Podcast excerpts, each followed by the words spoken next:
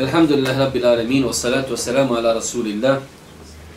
Doista svaka zahvala pripada našim gospodaru Allahu subhanahu wa ta'ala, salavat mir i selam na Allahu poslanika, Allahu miljenika Muhammeda alaihi salatu wassalam, njegovu častnu porodcu, njegovu uzvrte sabe i sve ljude koji slijede put istinu sudnjega dana. Braću moja draga, četvrtak, evo sada već nakon jacije namaza naš termin u projektu Čitaoni u kojem se družimo čitajući razno razne knjige. E, imali smo znači prijedlog da knjiga koju ćemo sada čitati bude ova zadnja knjiga Namaz radost toka moga. Između ostalih razloga jeste što je knjigu lako nabaviti. Jer nekad mi hoćemo neku knjigu da čitamo, ali koja je korist čitati tu knjigu ako ljudi nemaju pred sobom tu knjigu i ne mogu nešto podvući, zabilježiti ili poslije nekad kod kući to preslušati. Tako da, što bi nekad i naišli neku lijepu knjigu, interesantno je da ta knjiga se može nabaviti negdje lako na tržištu. Ja neću mnogo dužiti, s tim što želim samo ukratko da vam kažem koncept ove knjige i mnogo toga će vam biti jasnije kad pročitam uvodnu riječ. Generalno, mi smo imali na fakultetu jednog profesora koji nam je kazao jedan lijep savjet, kaže kad kupite neku novu knjigu, ako i nemate vremena čitati, minimalno što možete uraditi, pročitajte uvodnu riječ koju autor stavio i pročitajte sadržaj. Jer dosta se, kaže, puta može desiti da imaš potrebu za nekim pitanjem, i ti tražiš, pitaš neke šehove u lemu daje, a ti u kući imaš knjigu koja daje odgovor na to pitanje. Pa je veoma interesantno kad čovjek ima neku knjigu, ako može da pročita uvodnu riječ i da pročita sadržaj. To ako neće čitati knjigu odmah, ako će čitati knjigu odmah, to je svakako i bolji. Mi ćemo danas u ovom prvom predavanju inšala pročitati na brzinu uvodnu riječ. Prije uvodne riječi e, knjiga Nama zadu stoka moga e, je sačinjena od tri poglavlja. Ono što je interesantno da ja sam analizirao to stanje našeg društva i imamo tri kategorije ljudi u pogledu namaza. Imamo ljude koji ne klanjaju, imamo ljude koji klanjaju, ali imaju grešaka u svome namazu. Imamo ljude koji klanjaju redovno, ali jednostavno nedostaje im ta skrušenost u namazu. Pa ova knjiga ima tri poglavlja i svako poglavlje odgovori jednoj kategoriji ljudi. U prvom poglavlju se govori o vrijednosti namaza, o odlikama namaza, o vrijednostima. To su dvije za, e, za, zasebne stvari. Odlike, to je nešto čime se namaz odlikuje u odnosu na druge ibadete, a vrijednosti namaza opet to je nešto drugo. U tom prvom poglavlju smo govorili i o e, opasnosti ostavljanja namaza, o grijehu, e, veličini grijeha ostavljanja namaza. U drugom poglavlju, ali U drugom poglavlju rekli smo da to poglavlje govori o greškama u namazu, svakako ne samo o greškama, to je možda i najškakljivije, najosjetljivije pitanje, govori o mnogim ibadetima i postupcima prije namaza i njihovim greškama. Pa primjer radi o gusulu, o abdestu, o odlasku u džamiju, učenju ezana, uvjetima namaza i o samom namazu. Svakako ja sam se trudio maksimalno da svaki put kada ukažem neke greške, da ukažem i šta je ispravno u tom poglavlju. I treće poglavlje je poglavlje po meni i najbitnije, najpotrebnije svima nama, prvenstveno koji ovdje dolazimo na dersu, a to je kako postići skrušenost u namazu. E, to je otprilike koncept knjige. E, svakako ja sam već, vjerujem da velik broj vas je bio dole u Skenderiji kad smo govorili, Islamski učenjaci već godinama pišu knjige, zasebne knjige o ovome što mi sada u ovoj knjizi imamo. Pa primjer radi poznati šeh Hasan Mešhur e, je napisao knjigu El Qawlun Mubin fi Ahtar Musallin, e, knjiga veliki tom koji govori samo o greškama klanjača. I mnogi drugi šehovi su pisali e, o greškama klanjača. Kad je u pitanju skrušenost u namazu, Arapi imaju knjige, Arapi koji govore arapski, razumiju Fatihu, razumiju Kur'an, oni imaju knjige koje govore kako i na koji način postići skrušenost. E, braću, ako Arapi imaju knjige koji govori o tome kako doživjeti skrušenost u namazu, zamislite onda koliko nama, ljudima koji ne razumijemo bosanski jezik, treba tematika skrušenost u namazu. Pa sam ja pokušao u ovom trećem poglavlju govoriti o propisima skrušenosti, e, razlozima zašto se gubi skrušenost i na kraju praktično kako se postiže skrušenost. To je nešto kratko i revizimirano o knjizi, kako ne bi gubili vrijeme, uvodna riječ. Bismillah. Namaz je bez sumnje najvažniji tjelesni ibadet u islamu. Stoga bi vjernici trebali jako paziti na njega. Na našem bosanskom jeziku postoji veoma korisna knjiga o namazu, odnosno o svojstvu namaza Allahovog poslanika sallallahu alaihi ve sellem, a čiji je autor uvaženi doktor Safet Kuduzović. Smatram da nakon njegove knjige svojstva poslanikovog namaza ne postoji potreba dodatno pisati o toj temi zbog studiodnosti kojom je, kojom je šejh pristupio. Znači, prva stvar, imamo konstataciju da je namaz najbitniji tjelesni ibadet, inšala to ćemo poslije i dokazati. S druge strane, e, ako je to najbitniji tjelesni ibadet u islamu, to bi trebao da bude predmet naše pažnje. E sad, ja pošto sam želio da pišem knjigu o namazu, smatrao sam pametnim i korisnim da spomenim ljudima da neću tretirati pitanje koje je već tretirano. Zašto? E, zato što znači velik broj ljudi zna da postoji knjiga Šeja Safeta Kurzovića. Ja lično smatram na bosanskom jeziku da ne treba duplirati teme. Vi u arapskom svijetu odete svojstvo namaza Božih poslanika 20 autora obrađivalo. I u 80% sto knjige iste. Ali na bosanskom jeziku kada se već nešto izdaje, ja sam želio da napišem knjigu koja neće tretirati ponovo istu temu. Iako bez obzira što je Šir Safetova knjiga vrh, uvijek bi se tu nešto moglo dodati i oduzeti. Ali sam želio da napišem nešto drugo što će u jednu ruku nadopuniti knjigu Šeha Safeta e, u smislu proširiti vidike. Pa knjiga Šeha Safeta govori o tome kako se klanja, konkretno, abdest i namaz. Pa ja nisam tretirao te dvije teme, e, smatrao sam da je pametno i potrebno našim narodu da se govori o vrijednosti namaza, opasnosti ostavljanja namaza, govoriti o greškama u namazu i govoriti o skrušenosti u namazu. Dalje. Želeći za sebe kao trajnu sadaku ostaviti dijelo koje govori o najbaj, najbitnijem temelju islama, a da se ne ponavlja već napisano gradivo, odlučio sam o namazu govoriti kroz drugu dimenziju. Zato knjiga Namaz radost oka moga neće tretirati pitanje svojstva namaza Allahovog poslanika, osim sažeto, već tri veoma bitna poglavlja koja se mogu smatrati dopunom na knjigu uvaženog doktora Kuduzovića. Dalje. U prvom sam pokušao objediniti hadise koji govore o vrijednosti namaza općenito. Također sam spomenuo mnoge karakteristike tog velikog ibadeta kojima se odlikuje u odnosu na druge ibadete u islamu, a sve s ciljem buđenja želje za obavljanjem namaza i upozorenja na veličinu grijeha njegovog ostavljanja. Znači, ja sam želio kad neko uzme knjigu i počne čitati da jednostavno da mu se otvore grudi za namazom. Pa kad dođe, aha, vrijednost namaza, pa vrijednost sabaha, pa vrijednost akšama, pa e, odlike namaza. Vidjet ćete, islamski učenjaci su pisali čak zasebna dijela manja odlike namaza u odnosu na druge ibadete. Znači ima namaz jednostavno ima toliko odlika kojima se on odlikuje na drugim temeljima. Hajde da se odlikuje na nekim ibadetima. Ne, odlikuje se nad zekijatom, odlikuje se nad hađom, odlikuje se na, nad postom. Pa je cilj bio prvog poglavlja da jednostavno insana podstakne na obavljanje namaza, s druge strane da ga malo i zastraši.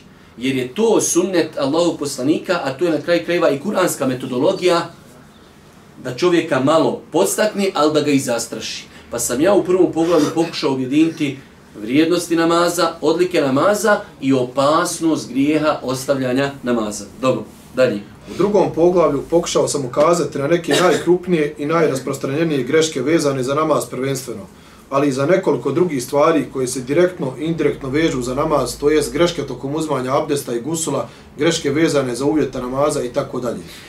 Znači, ja sam zato ovdje rekao najbitnije greške. Vjerujte da, da, da čovjek hoće da ono mak na konac goni, mogla bi se kompletna knjiga napisati samo o greškama u namazu na našim prostoru.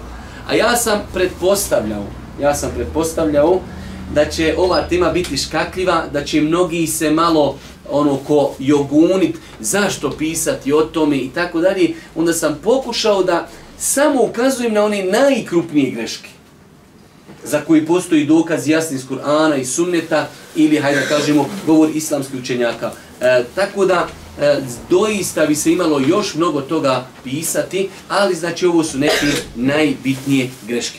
Malo se sami još, Emire, pomagnite, e, pošto je noćas baš mašala, prošli put je bila akika, bojim se da ste ljude zarazili sa akikama, onaj, Ali da, hajde, inša Allah, ja se nadam da ljudi dolaze da slušaju ders iskreno. Nastav dalje. Cilj? Cilj ovog poglavlja jeste ukazati na ono što je u vezi s namazom neutemeljeno, kako bi to ljudi ostavili i izbacili svakodnevni praksi. Dosta. Cilj je, braću moja draga, da ukažemo na greške. Zašto? Ne želeći mi sad da ispadnemo, evo, ko što nam se nekad zna lijepiti etiketa, eto, mi 500 godina klanjamo, sad vi vehabije došli, ništa vam nije ispravno, ne želimo mi nekog kritikovat, nekog etiketirat, nekog prozivat, ne. Želimo da se ukaže na određene greške kako bi samo to ljudi popravili, kako bi njihov namaz bio ispravan. Želim da budem neko ko će nekoga spasiti. Boži poslanik kaže, ima ljudi koji će krenuti 60 godina namaz im nije primljen. Wallahi, ja sam ubijeđen da našim prostorima ima ljudi čiji namaz nije primljen. Želim samo da ljudima ukažem na greške da ih popravi. Ne mora čovjek doći i kazati, e, pjesću, ja sam prošto zbog ja sam popravi. Ne trebaš, brate. Popravi grešku između tebe i Allaha. Pa je cilj ovog poglavlja da ljudi popravi greške u najbitnijem ibadetu kako bi im ibadet bio prvenstveno primjer. Dalje, greške. Greške obrađene u ovom poglavlju nisu na istom stepenu, što je veoma bitno da čitalac razumije kako se ne bi dogodilo da određena sporedna pitanja i greške vezane za njih budu nešto čemu će se najviše pažnje posvetiti na uštrb krupnih grešaka koje mogu uzrokovati neispravnost ovog velikog vlada. Zašto sam ovo spomenuo? Zato što zaista u, e, u, u ovom poglavlju drugom imate grešaka koji dovode namaz u pitanje. Ima grešaka koji su malo niži. E doće neko bolestan i kaže, e evo, jel Boga ti treba na ovo ukazivati? A dobro, to je mala greškica, ali je lijepo da ljudi ko hoće da popravi. Pa znači, sve greške koje smo ukazivali nisu na istom nivou. Ima grešaka koji dovode gusulu pitanje, ima grešaka koji dovode abdestu pitanje, ima grešaka koji dovode namazu pitanje ali ima i grešaka, grešaka koje su na jednom nižem stepenu. Dalje. Prilikom ukazivanja na greške, maksimalno sam se trudio da budem pažljiv i tolerantan. Naročito u vezu s određenim postupcima koji su zvanični stav neke od pravnih škola, a što je u koliziji s vjerodostojnim argumentima, kako ova knjiga ne bi bila razlogom povećanja netrpeljivosti među muslimanima. Šta više, očekujem da će ova knjiga riješiti mnoge dileme prisutne na našim podnebima. Znači, braću, ja sam svjestan primjer radi da je kod nas hanefijski mezheb svjestan sam i četiri, tru, odnosno tri druga mezheba. Nije lako doći i kazati određenu stvar, to je greška, a to smatra da je to stav neke već priznati školi.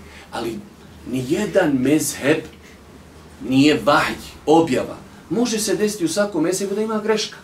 Ali ja sam se zato trudio kada nešto proglasim greškom da zaista zato postoji jasan argument – kako jednostavno bi ljudi vidjeli da nije cilj nikakvo brukanje, već je cilj zaista da se ukaže samo na ono što je neosnovano. Vidjet ćete kroz knjigu, ja sam možda po prvi put, ne sada sam ja neko i nešto, ali sam pristupio tim nekim našim tabu temama otvoreno.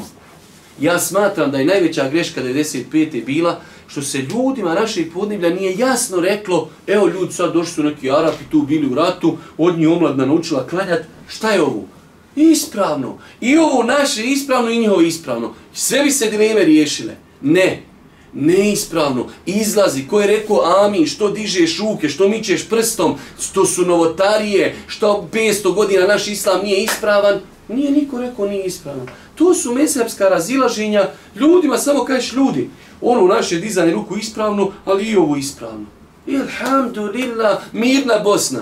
Već 25 godina mi tu smo nekom strahu, pa to je nešto novo. Nije ništa novo, to su mesepska razilaženja i vidjeli ste kad odete u Meku. Jedan klanja spušteni ruku, jedan svezu ovdje, jedan ovdje, nema šta nema. I niko nijokog ne gleda. Jedan viće amin, jedan ne viće, jedan viće prstom, jedan ne viće. I niko nikome ne smeta pa sam pokušao na više mjesta kroz ovu knjigu da ukažem na ta pitanja, odnosno da im dadim zaista njihovu težinu. Dalje. U ovom poglavlju potrudio sam se da blago i tolerantno pristupim pitanjima koja su već dugo, dugo kamen spoticanja među muslimanima naših podnevlja, a koja su dijelimično i tabu tema o kojima se na naučan način veoma malo govori, kao što su dizanje ruku u namazu, glasko izogovaranje, ami nakon fatihe, stalno pomjeranje prsta na tešehudu i tako dalje. Pokušavajući čitalaštvu pojasniti da pravna razilaženja ovim sporednim pitanjima nikako ne smiju biti razlog mržnje i netrpeljivosti među muslimanima, što je nažalost prisutno u mnogim našim džamijama. Braću, ajde, dođu dvojica ljudi i klanjaju. Allahu ekber, ja to ne mogu da vjerujem. Klanjaju od muslimani, padaju na seždu i dođe lik, ovaj digu ovako, ovako svezu ruke, ovaj vaku i jedan drugog mrze zbog toga došao u džamiju da se prosvijetliš namazom i badetom, padaš Bogu na seždu i mrziš čovjeka što je digu ruke, što miće prstom. Allah je, a vi znate da toga ima i to mnogo. Pa sam pokušao da ljudima spustim te teme na nivo ljudi, to su sporedna pita, fikska. Ne smijemo se mrziti zbog fikskih razilaženja. Malik je po jednom mišljenju klanja ispušteni ruku. Hajde, klanja, ma daj mi da klanja, ja rab, neki vallaj sviži na glavu. Šta je problem? Daj ga u džamiju, nek stane pred Boga. Ali mislim da je problem zaista što se ljudima te teme nisu naučno pri, onaj, pojasnile. Šta je problem da reknemo ljudima, ljudi ispravno je diza tri puta na, ruke u namaz. Naš mezheb je nedizanje, nećemo mi i dalje dizati. Ekstra. Ne, ne, ne. To su upitni momci, to su neki e, špijuni, vako, nako, mijenjaju. Nema potrebe, otvoriš svaku knjigu e, Meseba i vidiš da su to normalne teme. Vidiš ljudi dole kod Meki, u Meki Medini, normalno pristupaju tim pitanjima. I mi onda kad uđemo kući sa hađe i sa umri, potpuno drugačije se ponašamo nego što smo se ponašali u Meki Medini. Dalje. Pokušao sam pojasniti da mi kao muslimani ne smijemo biti isključivi i mrziti druge samo zato što u namazu praktikuju nešto što mi ne činimo ili to radi na drugačiji način. Smatram da samo tako možemo izbjeći netrpeljivost, pojasniti ljudima da u određenim pravnim pitanjima postoji više mišljenja i da svako od njih ima svoje utemeljenje i težinu, tako da svako ima pravo praktikovati ono što misli da je najbliže istini, istovremeno uvažavajući i poštujući one koji misli drugačije. Ovo je, braćo, srž fika kompletnog praktikujem nešto, smatriš da je to istina, poštujem drugi. I savršena stvar. Ja sam svaku u pitanju fiku spreman sa nekim raspravljati. Ali znači, brate moj, dragi, ovo je moj stav, ako imaš jake dokaze, ubijedi me, ali šta je problem da ti nešto praktikuješ ovako, nešto ja praktikujem onako? Ali mi smo i dalje braća, mi smo i dalje muslimani. Tako da, e, po meni, e, znači, ove stvari, ako čovjek svati ispravno, svatio je mnogo toga u islamu. Ne smijemo dozvoliti da pravna pitanja, fikska pitanja budu razlogom netrepeljivosti, mržnji. Šta je problem, braću moja draga, ja znam, nisam nija upućen, zaista. Ali vi u Hanefijskom mesebu imate stotine, ako ne i hiljede pitanja u kojima su dva učenika, Ebu E, Jusuf i Mohamed Šibani razišli se sa Ebu Hanifom. I to u knjigama Hanefijskog mezeba ima. Kaže, ovo je stav Ebu Hanife, ovo je stav e, njegovih učenika. Ili odvojio se samo Zufer. Pa dobro, ako je Ebu Jusuf se mogao ne slagati sa svojim šehom i Mohamed Šeibani, zašto ja danas ne do... Ne, ne, e to ti kaj sad pametniji od Ebu Hanife. Ma nisam, dragi vrate, pametni, tako mi Allah, to, to su velikani, to su imami. Ljudi ih prihvatili kao imami.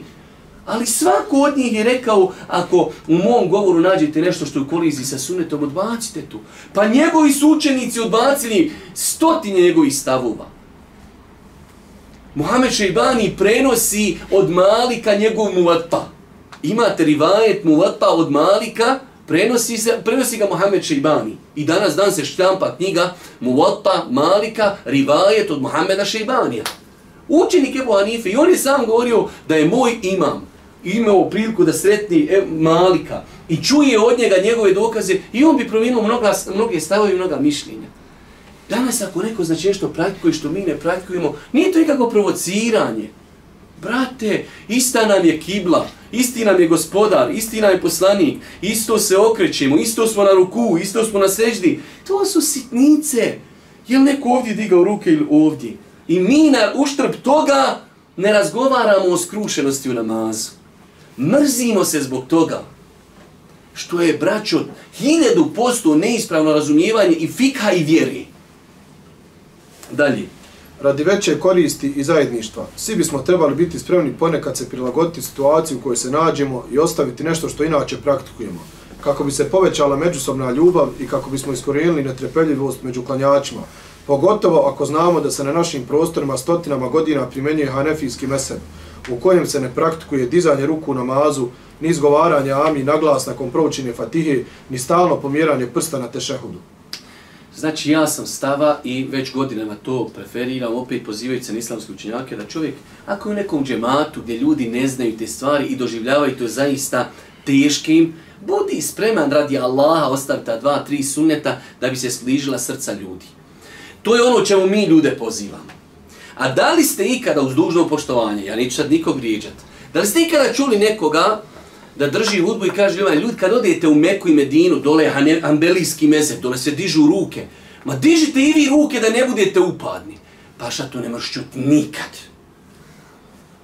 Ja sam toliko tolerantan, ja svojim učenicima kajem kad dođete u ja kad odem u Busač, u Busač dole, mm, nepoznato je dizanje ruku, jer dole je još 92. godina, pa kasnije za civilizacijom 30 godina. Ja tamo, vela u Ustaš ne držim ruke, ne viće mami, ništa. Jednom Jasir došao, morao sam poslije dati Marku da ne bi puno plako.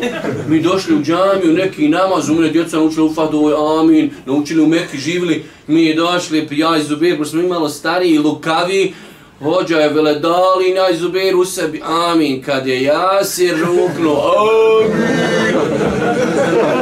Predao selam je odmah Jasir koji Marka, Jaran, ti si najbolji, neko, ti si sunje danas upravi, plakat će mi dijete, čoveče. Hoć kaj im spreman sam Allaha, mi odem u džamiju koji ljudi ne držu ruke, ne znaju za amin, neću govoriti amin, šta je problem? Ali hajmo vidjeti drugu stranu. Jesi li ikada čuo da čovjek kaže, ljudi kad odemo mi u neku džanju se čiše ruke i mi ćemo dizat. Dalje idemo. U osnovi knjiga je pisana metodom komparativnog fika, gdje se prilikom obrađivanja pravnih pitanja nisam striktno držao jednog meseba, iako sam se trudio da pitanja vežem za hanefijski meseb i citiram njihove klasične izvore ali sam sebi dao za pravo da određenom trenutku odstupim od te metode i odaberem stav nekog drugog meseba zbog jačine njegovih argumenta. Ovakva metoda nije nikakva inovacija ni nepoznanica u islamskom pravu, pa čak i unutar same hanefijske škole. Općento je poznato su dvojica najpoznatiji učenika imama Ebu Hanife, Kadija Ebu Jusuf i Muhammed Ešajbani u stotinama pravnih pitanja zauzela drugačiji stav od svog učitelja i imama te odabrala mišljenje neke druge pravne škole i nikad niko na to nije gledao s prezirom. Znači, braću moja draga, nas koji smo studirali u Medini prvenstveno, Allah je počastio da smo studirali fik komparativni. I svako pitanje od hiljede pitanja koje smo obradili, obrađivali smo kroz četiri mezeba. Znači, počne se na prvoj godini fakulteta, počne se sa vrstama voda, pa preko abdesta, preko namaza, pa post, pa hađ, pa zekijat, pa onda brak, pa e, i sva poglavlja. Svako pitanje ide kroz četiri mezeba stavovi, dokazi, rasprava i preferiranje. I mi smo, alhamdulillah, tako, ali nas je to naučilo da poštujemo sve mezhebe. Ja zaista nemam nikakav problem da vidim čovjeka malikijskog mezheba. Nemam problem da vidim čovjeka šafijskog, hanbeli, bos, bosanskog, a ne, Nemam nikakav problem, zaista.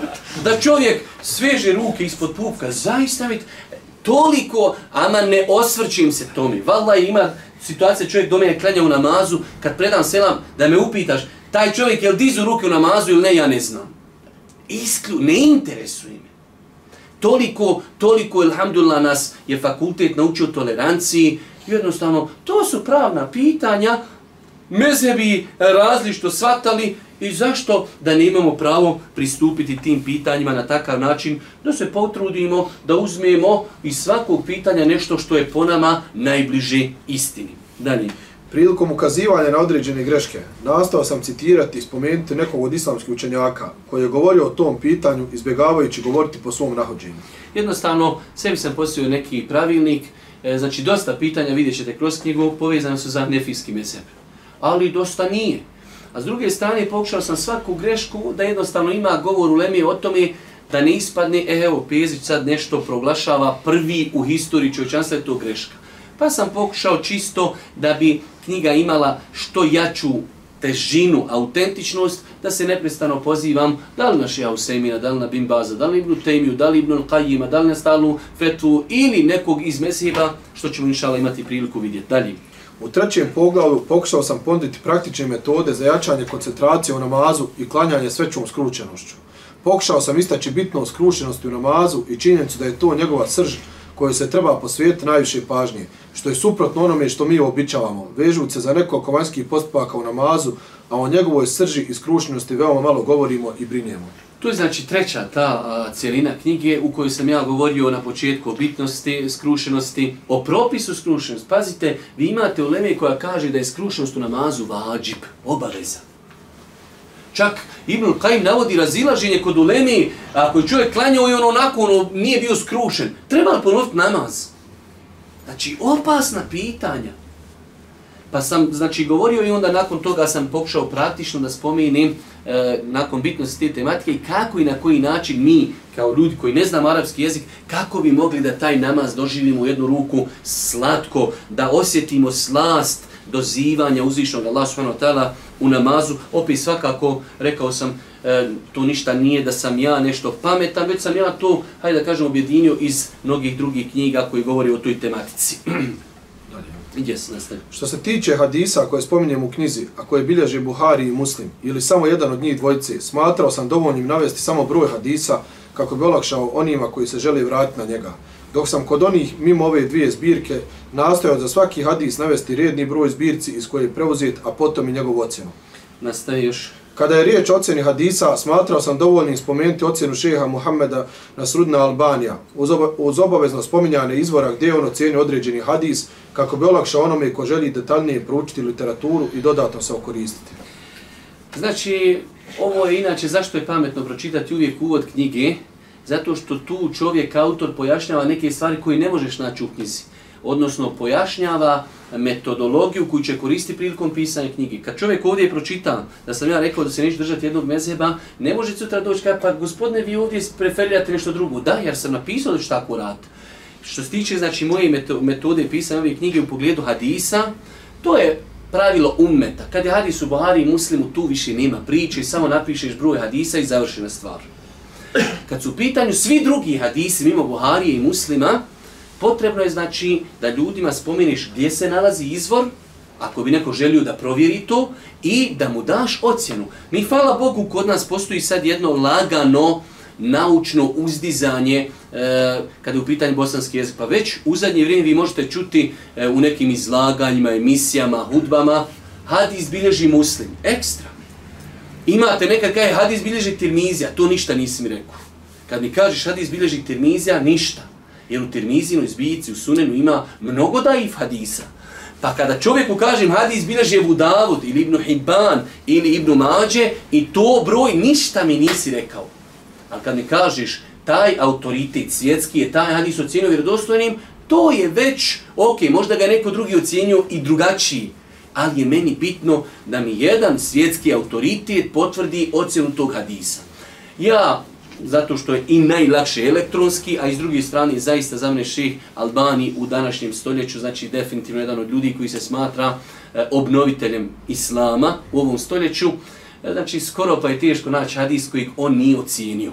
Tako da znači ja sam sebi uzeo pravac da, inače takav je životni pravac od kako sam studirao, hadis u predavanju kad spominjem ili pišem knjigu ili tekst, šta je Šeha Albani rekao i završena stvar. Osim, osim veoma, osim veoma rijetko. Dalje. S naučnog aspekta trudio sam se da citiram samo vjerodostojne hadise. Ovo je isto jedan od uvjeta koje ja se postavljam i na predavanjima, tako i u knjizi. Znači, koliko znam da u ovoj knjizi nema nijedan daif hadis. Daif ima možda hadisa u pogledu kojih se ulema razišla, ali ja sam spomenuo da je vjerodostojni, spomenuo sam kojega smatrao vjerodostojnim. Ja se trudim nekad i ne ispunim te uvjete, ali na svojim predavanjima da nikad ne spominjem daif hadise, osim da spominjem da je to daif hadis, ali njegovo značenje da je ispravno. Mislim da bi insan, ako bi dobro savladao poruke ova tri poglavlja, vrijednosti namaza, grešaka u tom ibadetu, te praktičnih načina i metoda postizanja skrušenosti u namazu, A nakon što doda dobro savlada gradivo iz knjige Safeta Kudzovića o svojstvima navaza Allahovog poslanika, mogao za sebe reći da je uveliko proširio spoznaju ovog velikog ibadeta. Znači, pomeni, kad čovjek sad bošnjak dođe i kaže ja da želiju da naučim klanjet. Ja mu rekao, pročitaj knjigu Šeha Safeta, ali ne pročitaj, prostudiraj. Studiozno. Nakon toga pročitaj ovu knjigu i mislim da čovjek na taj način je dobro dobro savladao, uh, ajde da kažemo, tematiku namaza. Definitivno ima tu mnogo pitanja, pogotovo kad su pitanje druge vrste namaza, džuma, dženaza, bajram i tako dalje. Tim pitanjem se nismo doticali, ali generalno gledajući kao namaz, čovjek bi poprilično dobro savladao tu tematiku. Dalje. Primarni cilj pisanja knjige jeste da ljude postakne... Nije, nije, samo čita, jeste. Ljude postakne na obavljanje namaza da se sačuvaju određenih grešaka i postignu skrušenost prilikom obavljanja tog ibadeta. Na tom putu lahko se može dogoditi da pogriješim. Stoga se unaprijed zahvaljujem svima koji mi do, dobro namjerno i na lijep način ukažu na greške u ovoj knjizi. Mogu sigurno ustvrditi da sam prilikom priređivanja ove skromne brošure imao dobru namjeru, želijeći ljude našeg područja podučiti najbitnijem tjelesnom ibadetu, što je dovoljan razlog da mi se tolerišu greške i nedostaci u knjizi i da mi se na njih ukaže na lijep način. Ovo je, braću moja draga, normalna stvar, znači nema knjige nakon Kur'ana da u njoj nema greške. Tako da, znači ja sam želio e, da samo ljudima opet ponovim, da ne daj Bože šita nekome ne bi došao i kaže, evo, e, Z- Ebu Zubeir, Pezić nešto sad provocira, evo, niko u umetu to nije i tako dalje. Ja imam cilj koji sam pojasnio šta je cilj. Cilj je da ljude postaknem da klanjaju, da ljudi izbace greške u namaz i da dožive lijepo taj namaz. Svakako u knjizi mora biti grešaka i tehnički i šerijatski, ali zbog toga što sam ja pojasnio da je moja namjera bila dobra, ako će mi neko ukazivati na te greške, trebao bi ne da me proziva na hudbama, ni po preporodima, ni po birovima, već fino da napiše e-mail, kaže, brate, na toj stranci si rekao to i to, evo u knjizi kaže se drugačije. E, to je znači bio cilj ovoga. Idemo na vrijednost namaza, odnosno, e, nimao potrebe, odlike namaza. znači, e, ja sam vam kazao, odlike namaza, to su stvari kojima se namaz kao ibadet odlikuje na drugim ibadetima. To definitivno insanu razumom kada čita jača svijest o njegovoj relaciji prema namazu. Ako mi sada navedemo dvadesetak stvari kojima se namaz odlikuje na drugim ibadetima, šta to ukazuje? Ukazuje koliko je taj bitan namaz. A vi ćemo, svaka ova postavka je sama za sebe bitna. Prva postavka. Prvo djelo za koje će se polagati račun na sudnjem danu. Rekao je Allahu poslanik sallallahu alaihi ve sellem, prvo djelo za koje će rob polagati račun na sudnjem danu jeste namaz. Pa ako namaz bude dobar, bit će dobra i ostala djela, a ako namaz bude loš i ostala djela bit će loša. Ako insan bude svjestan ove činjenice, to će sigurno ostaviti veliki trag na njega i probuditi u njemu želju da redovno obavlja propisane namaze, a samim time da, samim time da se što bolje ispremi za neminovno polaganje računa na sudnjem danu. Znači, odlika namaza, ali to već čovjeka bukvalno, ajde da kažemo, trese. Odlika je namaza, što nije odlika nijednog drugog ibadeta, prvo dijelo na sudnjem danu. Znači, čovjek treba da zna, ja ću umrijet, bit ću proživljen, polagat ću račune. Prva stvar od svog života, kak sam postao punoljetan, do smrti, ja ću polagat račun za sve, ali prvo dijelo namaz. I definitivno to ukazuje na mjesto namaza u islamu. Što je još teži, haj što ću ja polagati za namaz račun prvu. Već ako kaže namaz ne bude dobar, ne gleda se ostalo ništa. Pa sam ja želio baš ovo ciljano, da ljudima kažem, pogledajte kakvim odlikama se odlikuje namaz. To je najbitniji tjelesni ibadet u islamu. Broj dva. Posljednja karika Islama koja će se izgubiti. Mm -hmm. Ebu Umame el-Bahili prenosi da Allahu poslanik sallallahu alaihi ve sellem rekao Odrešivat će se veze, to jest karike Islama, jedna po jedna. Pa kad god se odriješi jedna, ljudi će se prihvati za onu koja je slijedi. Prva karika koja će otpasti i odriješiti se jeste suđenje po Allahovom zakonu, a posljednja je namaz. Da, ja ću. Znači, druga, druga osobenost namaza jeste da je Boži poslanik uporedio namaz sa jednim lancem i kaže ljudi će ostavljati kariku po kariku. Kad god ostavi jednu, hvatat će se za on koja je iznad. Dok ne dođu do namaza, namaz je, kaže, zadnja. I zato insan koji sebi želi hajr na ahiretu, kad ostavi namaz, on će sam sebi reći, a zašto se ja sad držim? Moja zadnja karika za koju se ja držim i ona me, ona me čini muslimanom je s namaz, poslanikove riječi. Ja ako nemam tu kariku, ja sam negdje, ja sam negdje u havi, ja se nemam više zašta držat. Pa opasna stvar, znači opet iz ovog hadisa vidimo kakvo je mjesto namaza u islamu, da je tu posljednja karika po riječima Božih poslanika. Dalje, posljednja oporuka. Posljednja oporuka Allahov poslanika njegovom ummetu. Od ummu Seleme radi Allahu anha se prenosi da je rekla Posljednja oporuka koju je izrekao Allahov poslanik sallallahu alaihi ve sellem bile su riječi čuvajte namaz, namaz i pazite one koji su u vašem podaništvu. Allahov poslanik sallallahu alaihi ve sellem izgovara ove riječi hropteći u prsima, ne mogavši više izgovoriti jezikom. Pogledajte, znači, ja sam o tome mnogo puta govorio, zadnje riječi. I do toliko ih je ponavljao, ponavljao, kaže i prenosio on je više njih izgovarao u prsima. Znači, ne može više jezikom, ali želijeći da se um umet ostavi jasnu poruku. Da je bilo išta u, u islamu bitnije od namaza, to bi tada poslanik rekao. Znači namaz najbitnija stvar, to je ono što čovjek na smrtnoj postelji govori. Broj četiri. Ibadet čiji je izvršio se uzvišen Allah pohvalio u više ajeta, a i one koji drugima ne ređuju da ga obavljaju. Kaže, Ništa, ne moraš nam čitati. Imamo više, znači, kuranskih ajeta u kojima uzvišen je Allah hvali one koji čine taj ibadet s druge strane, znači, i hvali one koji drugima naređuju taj ibadet. Broj pet. Ibadet zbog kojeg je uzvišen Allah ukorio one koji su nemarne prema njemu. Imamo, znači, isto tako e, dosta kuranskih ajeta koji se, znači, e, tako osvrću kritički na ljude koji ostavljaju namaz. Broj šest. Ibadet po kojem se raspoznaju muslimani. Uh Mhm. -huh. Od Enesa radi Allahu an se prenosi da je Allahu poslanik sallallahu alaihi ve sellem rekao ko bude obavljao naš namaz s nama i okretao se našoj kibli i jeo meso koje mi zakoljimo, to je musliman koji ima garanciju i sigurnost uzvišnog Allaha i njegovog poslanika. Zato nemojte kidati ugovor sa Allahom. Znači ovo je Boži poslanik ovdje navodi stvari po koje mi ljude u vanjštini proglašavamo muslimanima. Pa kaže ko bude obavljao naš namaz, viđamo ga u džamiji. Moga čovjeka vidim u džamiji danas i sutra kažem to nije musliman. Osim u nekim zaista kritičnim situacijama, kada je u pitanju tekfir, znači, a vi znate da je to izuzetno škakljivo pitanje. Ali prva stvar, čovjek u džamiji, osnova, musliman. Isto tako, kaže, čovjek se okreće prema našoj kibli, jede sa nama. Znači, to je u osnovi čovjek musliman. Broj 7. Svojstvo iskrenih vjernika koji su zaštitnici drugim vjernicima. Dobro, broj 8. Najbitniji temelj Islama nakon šehadeta. Dobro, da Od čujemo. Abdullaha ibn Omera radi Allahu an prenosi se da je Allahu poslanik sallallahu alejhi ve sellem rekao: Islam je sagrađen na pet stvari: svedočenje da nema Boga osim Allaha i da je Muhammed Allahu poslanik, obavljanje namaza, izdvajanje zekata, obavljanje hadža i ramazanskom postu. Pazite, ovdje je Boži poslanik jasno daje na uvid da se Islam gradi na pet temelja. Zato čovjek bi musliman trebao, ko što onaj Asaf kad je došao Božim poslaniku, Allah poslanik, šta nam je nariđeno? Namaz. Šta, samo ovo, on kad je pitao, kad je samo farzovi, šta nam je još nariđeno? Zekijat. Šta nam je još post mjesec Ramazana? Šta još hađ jednom u životu? Samo to, samo to. Kaže, ja odem i neću na to više ništa dodavati. Kaže Allah poslanik, ako ustraje na tome, uspio je.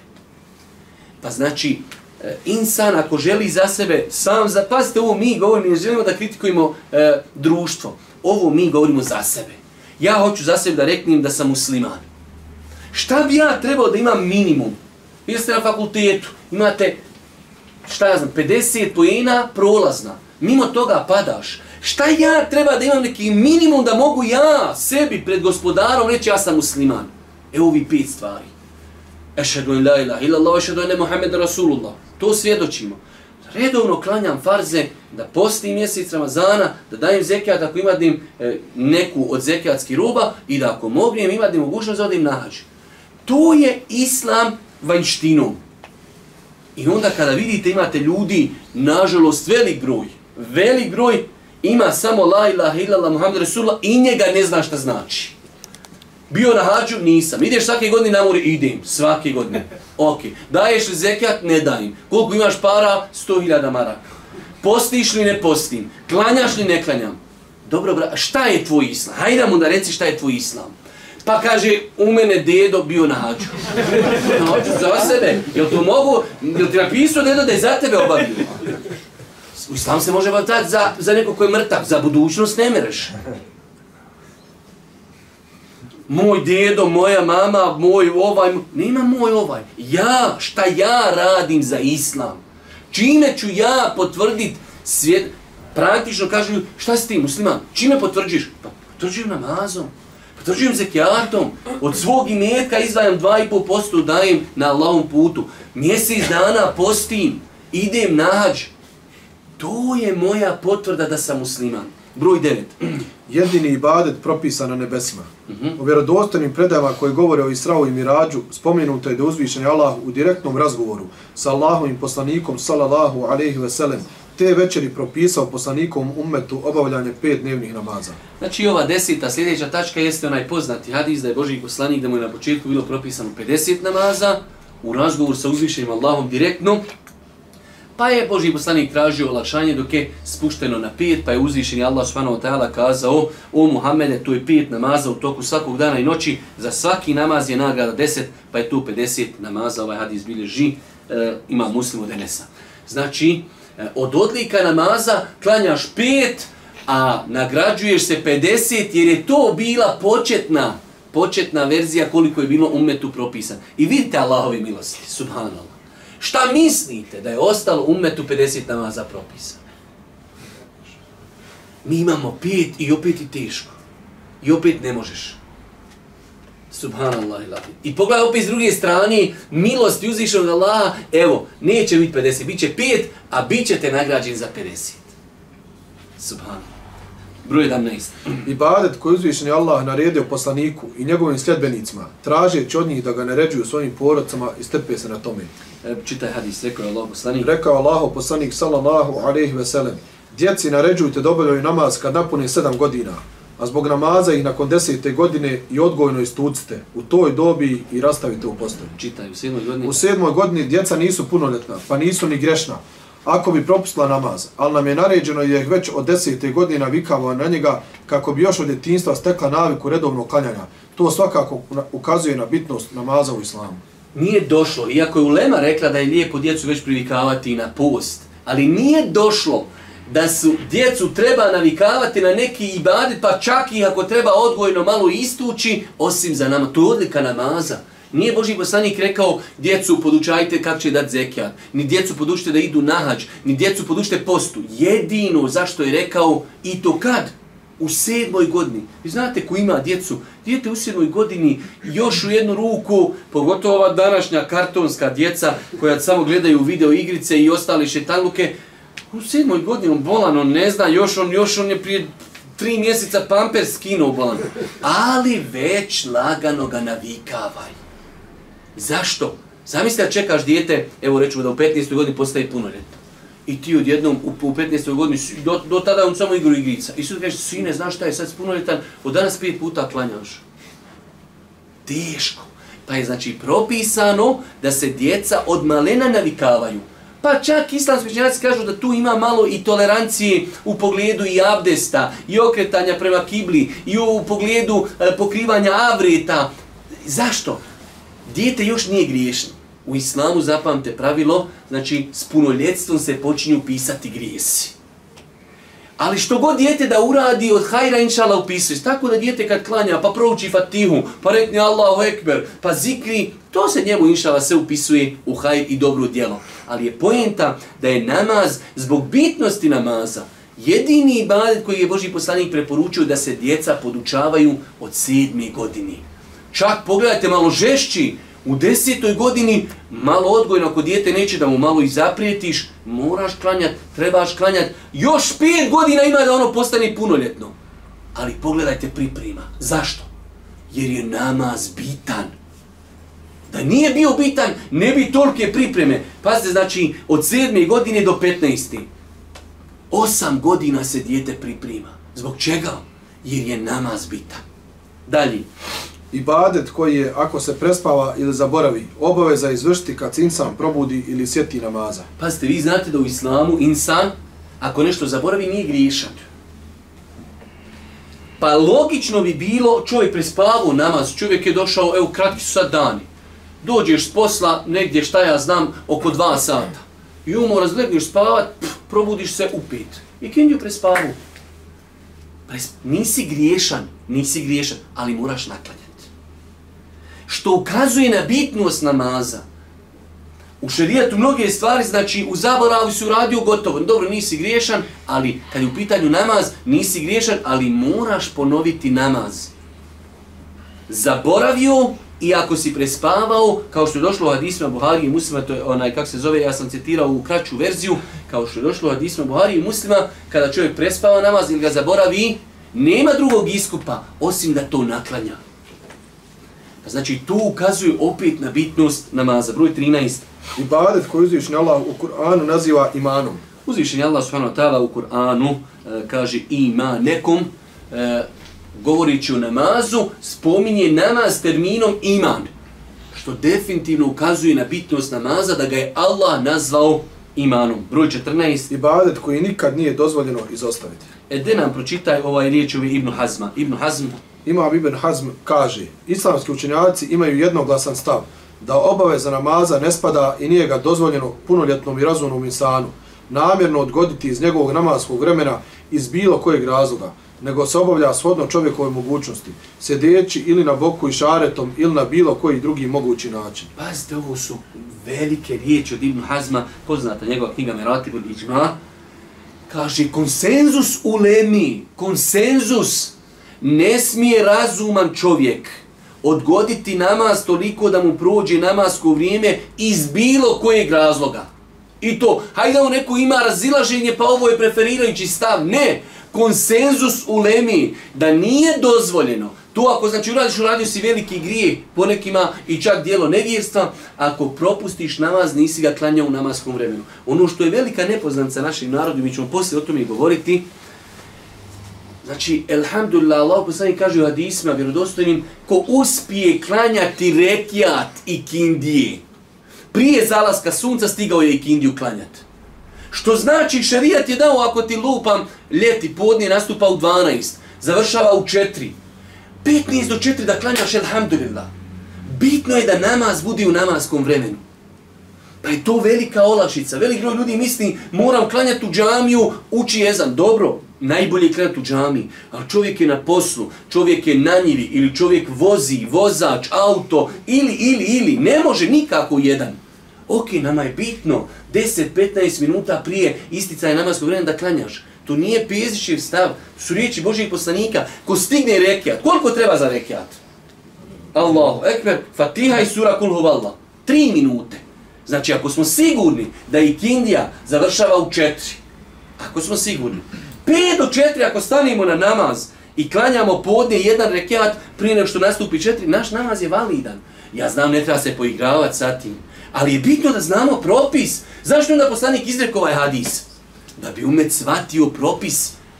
Znači, bitno je da jedan rekiat, znači da dio namaza klanjaš u namaskom vremenu, makar ostala tri rekiata klanja u drugom namaskom vremenu. Ujagnio si. Pa imamo mnoge druge olakšice gdje ćemo govoriti. Može se klanjati u radnom odijelu, na kartonu, može se klanjati na odjeći na koji ima zemlji, na koji ima betona, može se klanjati na putu. Ja sam sinoć, nije sad pijeziš, nešto se falim, ali krenu isto zli, nisam klanio akšam jaciju, pa stekiju prostro na, na asfalt pred džamijom, džamija zaključana, šta ćeš? Klanio tu, eto, šta ćeš? Ošao na benzin, skupio flašu vode, lijepo abdest, Allah, ekber, idem kući, obavio svoje. Znači čovjek može klanjati na poslu, u kancelariji, u rudniku, u avionu. Šta sam puta? Ne ja, već drugi ljudi. Klanjaš u avionu, u autobusu, u brodu. Alhamdulillah, sve se može samo ako čovjek hoće. Dalje. Ibadet za čiju je validnost potrebno ispuniti mnoge uvjete. Znači ne postoji u islamu ibadet da se za njega treba toliko ispuniti uvjeta ako namaz. Pa samo kibla, okretaj prema kibli pa pokrivanje avrita, pa taharet, pa abdest, pa gusul, pa nijet, sve to prije, još nisi došao na namaz. I zaista, mi muslimanci vremenom to priviknemo, naviknemo se. Ali sad dođeš čovjeku nemuslimanu i kažeš, slušaj, samo da bi došao do onog momenta da rekneš Allahu Ekber, tu ima procedura i zaista jest. Kad čovjek živi islamu da je to već lagano. Ali, ha, moraš avrete pokrit, moraš prije toga biti čist, Kad ideš u WC, moraš se očistiti, moraš biti okupan. Ne smije na odjeća, haj nije samo pokriti. Mora biti odjeća čista, mora biti mjesto čisto. Moraš se znati uvijek okrenuti prema kibli. Ja rab, sve to valja uklopit. Alhamdulillah, sve se može uklopit. Ali nemate zekijat. Ima milijed maraka, dva i po posto, evo ga i završena stvar. Dok namaz nije, moraš se obući, moraš se moraš znat ruč fatihu, moraš znat suru, znaš ruknove, znat vađibe, znat farze. U, ja rab. Ali to šta ukazuje? Ukazuje koliko je to bitan ibadet. Dalje. Ibadet koji, ako se potpuno obavi, odvraća klanjača od greha i razvrata. E, e, prižnam na, od Ebu Huriri. Od Ebu Huriri radi Allahu an prenosi se da je došao čovjek Allahom poslaniku, salallahu alaihi veselem, i rekao, čovjek klanja noći namaz, a kada osvane ukrade, Allahu poslanik sallallahu alejhi ve sellem odgovorio je: Ono što uči sprijetit će ga ili je kazao njegov namaz odvraća ga od toga. Znači čovjek, ako ispravno obavi namaz, njegov namaz ga odvraća od grijeha. To je, braćo moja draga, i tekako e, velik plemeni cilj. Imamo i badet koji nama puni naše imanske baterije. I onda, e, to je pokazatelj koliko mi namaz doživljamo takvim. Odeš u džamiju, klanjaš, izišao si ništa. Ne, namaz treba da bude jedna, u jednu ruku, kao, znači, utičnica gdje ćemo puniti svoj iman. Namaz odvraća od griha. Ne da Bože još učiniti griha, sjetiš se. Pa ja sam malo prije bio na namazu. Stajao pred Allahom, učio iake navdu, iake nesta'in i sad griješim. Pa ispravno obavljen namaz, što kaže Boži poslanik, krade. Njegov će namaz njega spriječiti da krade. Ako bude klanjao, kao što ima poslije ovaj hadis ponovo spomenut, kad šeha Albani kaže, spriječit će ga kad? Kad bude klanjao skrušeno, razumijevajući ono što uči. To je srž. Imamo koliko što god ljudi klanja i ne razumi. I on iziđe iz džamije, tuđe patike drpi. Koliko puta smo vidjeli kamera u džami usekala, ko će poznat lopova. Nije na njega nama zosio nikakvog traga. Ali da razumije da je tamo slušao o džennetu, o džehennemu, o kazni, ne bi onda Boga mi ukro. 17. Ibadet koji je naređen i propisan svim poslanicima.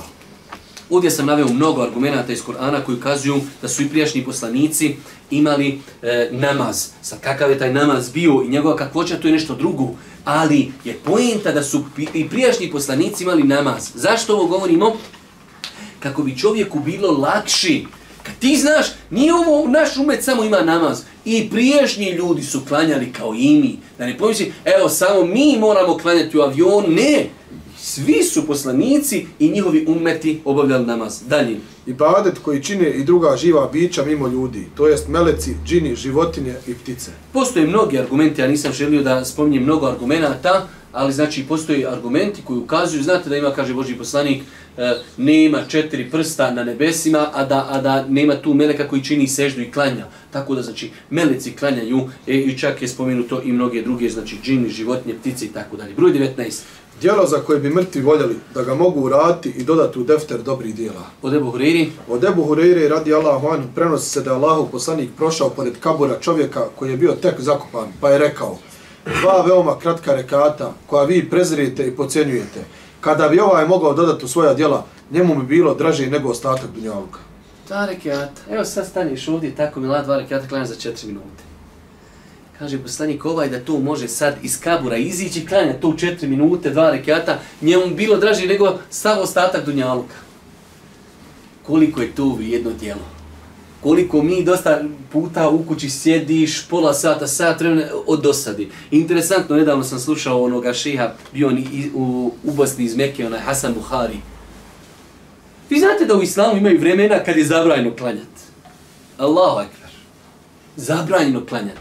Zašto? Imate ljudi u prvim generacijama ljudi, ljudi sam klanjali, sam klanjali. Pa je došao islam, nego ne, i sad ima vrijeme, ne mereš klanjati. Kad bitio, ne može.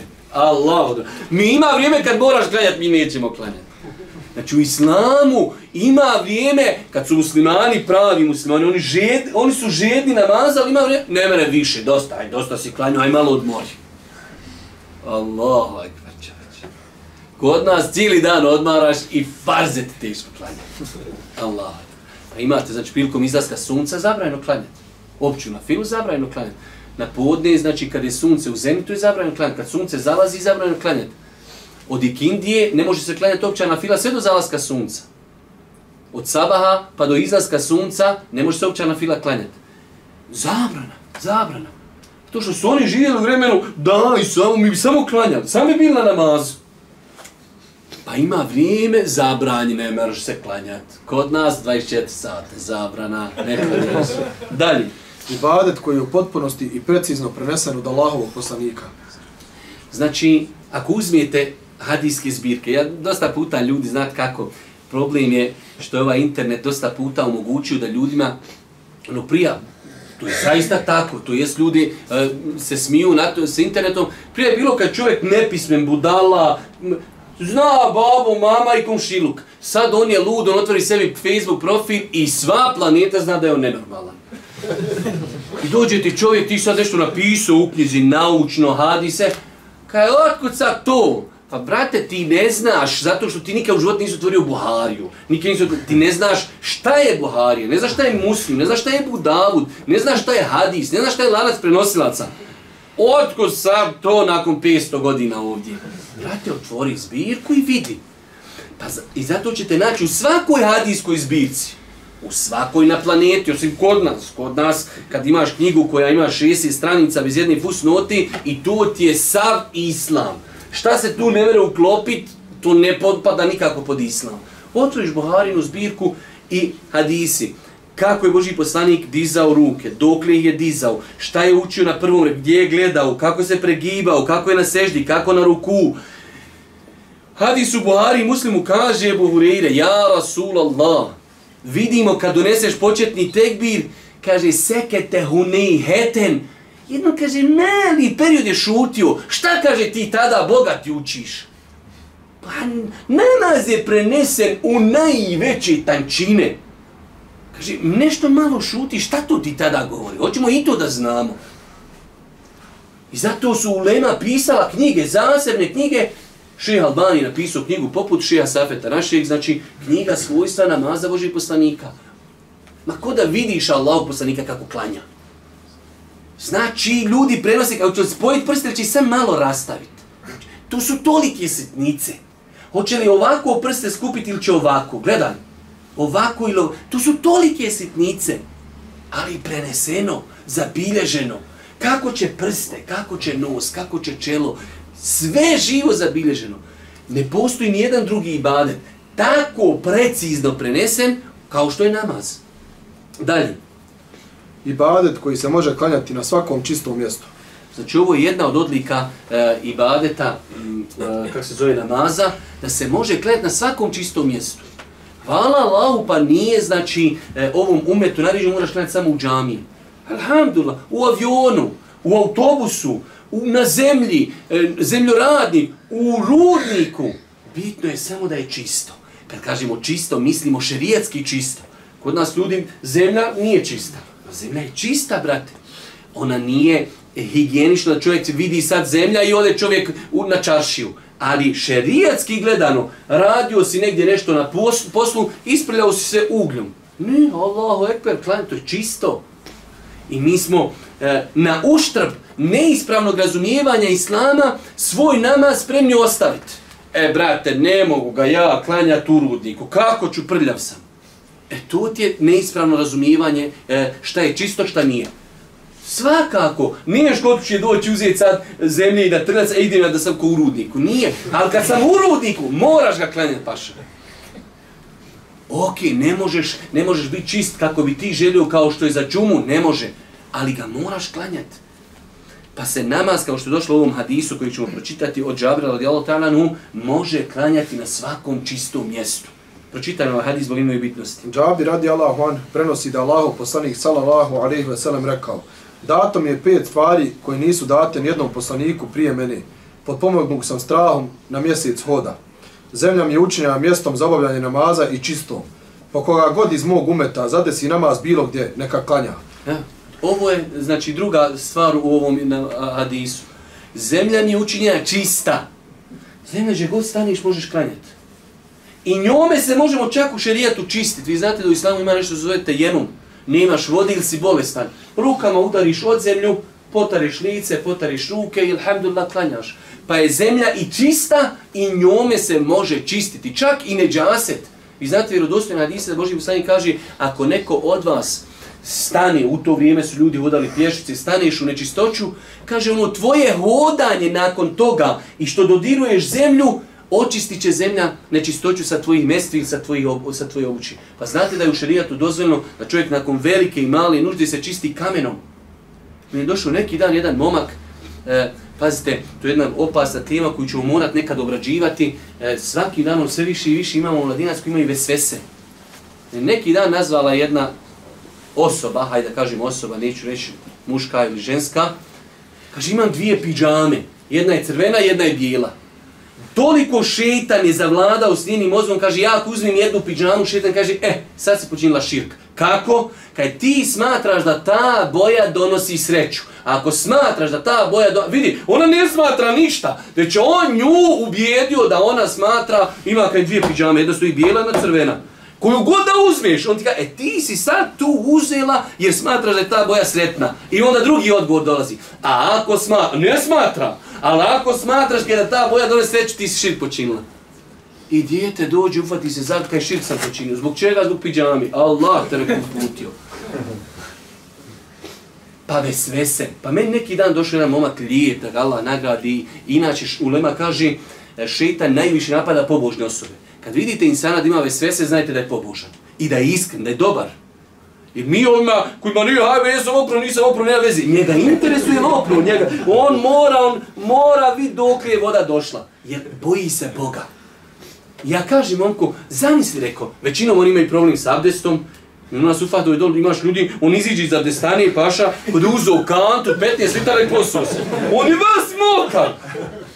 Mi, ja znam, učinu ode abdestiti mi klanjali, mi se poselamo, on tek izlazi iz abdestane.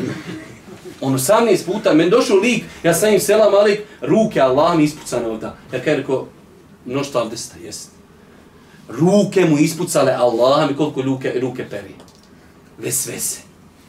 Ja njemu kažem, rekao, brate, šta misliš, rekao, sad kad ja tebi rekao, rekao, haj ti da sad obriš fiziološku potrebu i da se kamenom, rekao, ti obrišiš. Ti rekao, os drugo kožu, čeće, ti dok ne došao do okosti, ti stao ne bi.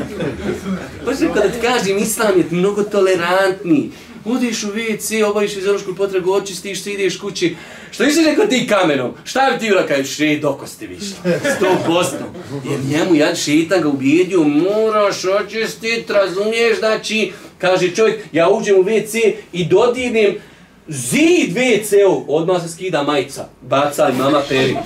Mama tri vešine, veš za njega ima da perinu samo odjeću. Ali pazi, to je op. Ja znam ljude koji sam ja savjetuo, brate, nemoj. Allah mi završi ljudi na psihijatriji. Završi ljudi na psihijatriji, to je opasno. Opasno, vesve se opasno vesvese. Kako smo mi došli do vesvesa, Allah sve, sve više najbolje zna. Idemo dalje. Dopušten mi je ratni plijen. Dopušten mi je ratni plijen, a nikom prije mene nije dat. Dato mi je pravo za uzmanja za grešnike i svaki poslanik je bio poslan samo svom narodu, a ja sam poslan svim ljudima. Ovo su pet stvari kojima je Allah poslanik odlikovan nad drugim i narodima i poslanicima. Ove stvari nisu date nikom osim Muhammedu alaihi salatu. I zadnja stvar. Ibadet u kojem se odmarao Allahu poslanik. Uh mhm. -huh.